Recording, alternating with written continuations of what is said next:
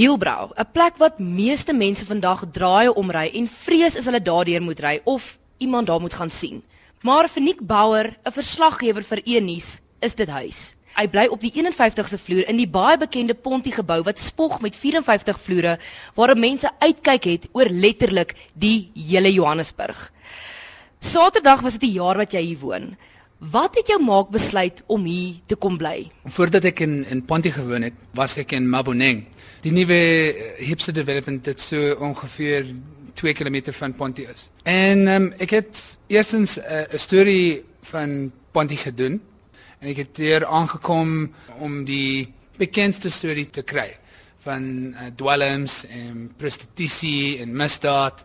Maar ek het hier aangekom en gesien daar's net uh, mense wat probeer eh, 'n uh, lewe te maak en uh, en 'n plek wat nie so gevaarlik is en ook baie baie baie bekosbaar. Ek het die uitsig gesien en en dan het ek onmiddellik besluit dis ietsie anders. Dis ietsie dat as ek hier in stap sal ek iets spesiaal maak. Ek sal vir die ander mense wys dat dit nie so gevaarlik en nie so vol misdaad is. Soos ek vroeër gesê het, almal het idees van die stad en die Panty gebou spesifiek.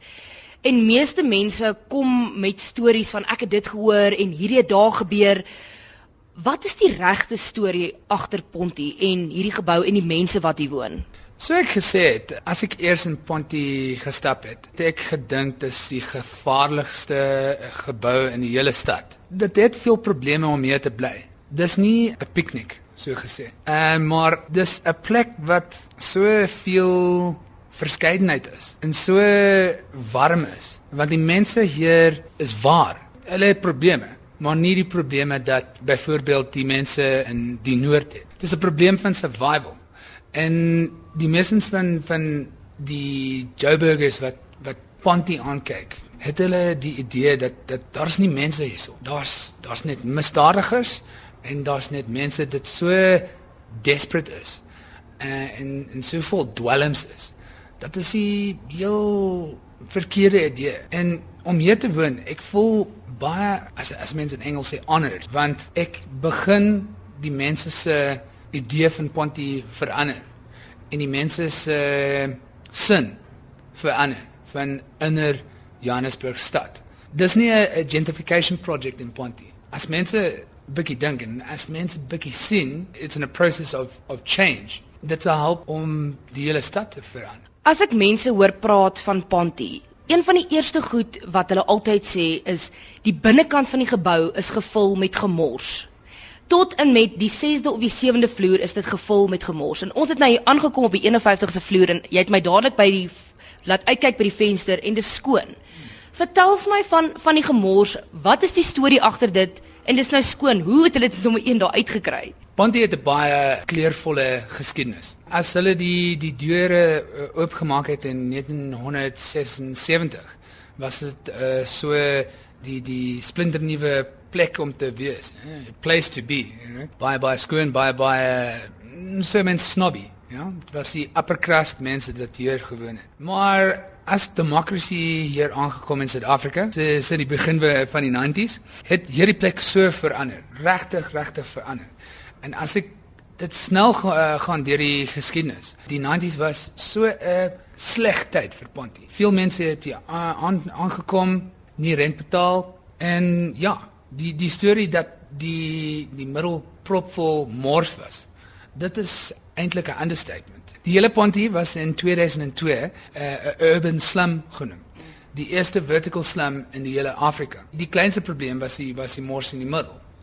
Die hele plek was vol misdaad, vol misdadigers, vol prostitusie, vol mense wat dwelms gebruik en ek weet nie eintlik hoe die mense hier gewoon het. Partykeer ek wens nie meer ek kan praat want dit is so 'n storie van 'n gebou dat soveel verander het dat jy kan nie eers verstaan dat dit soveel probleme 8 jaar terug gehad. So ja, daar was veel veel mors in die middel, so 4, 5 jaar terug.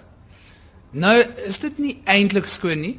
Uh mense dis daar dis daar's nog 'n probleem met uh met mors uitgooi uit die vensters. En uh, ja, parte keer as ek uh, instap in die gebou of uh, ek stap na my my my kar kar toe, um, moet ek verby baie vele stap.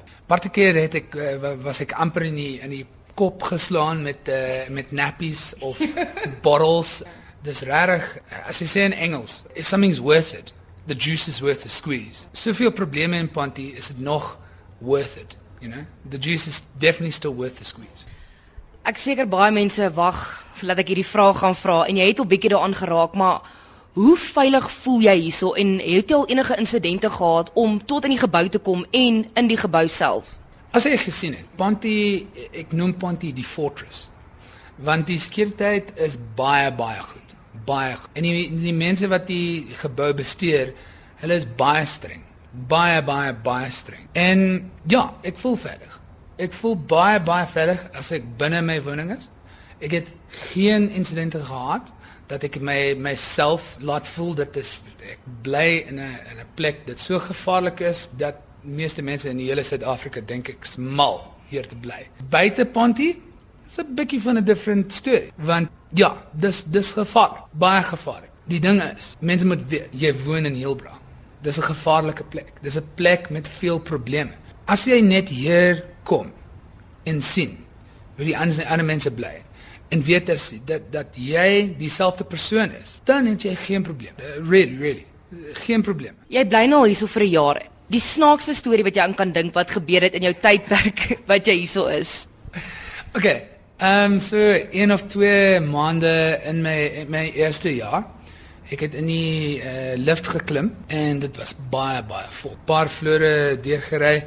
Mense het uitgestap en dan dit was net my en eh, 'n uh, vrou met sy baie baie jong kind, die kind op sy rug. Kind het my aangekyk en onmiddellik gehuil, maar baie gehuil gehuil as hy homself seer gemaak. Ek sê, "O, oh, jammer baba, wat wat fout, wat fout, wat fout." En die ma het begin om te lag. Die vrou het vir my gesê, "Nee, moenie worry nie. Hy is net 'n bietjie surprised want hy het nie geweet dat uh, wit mense hier hier in die gebou bly." So ja, dit was dit was vir my bietjie snaaks.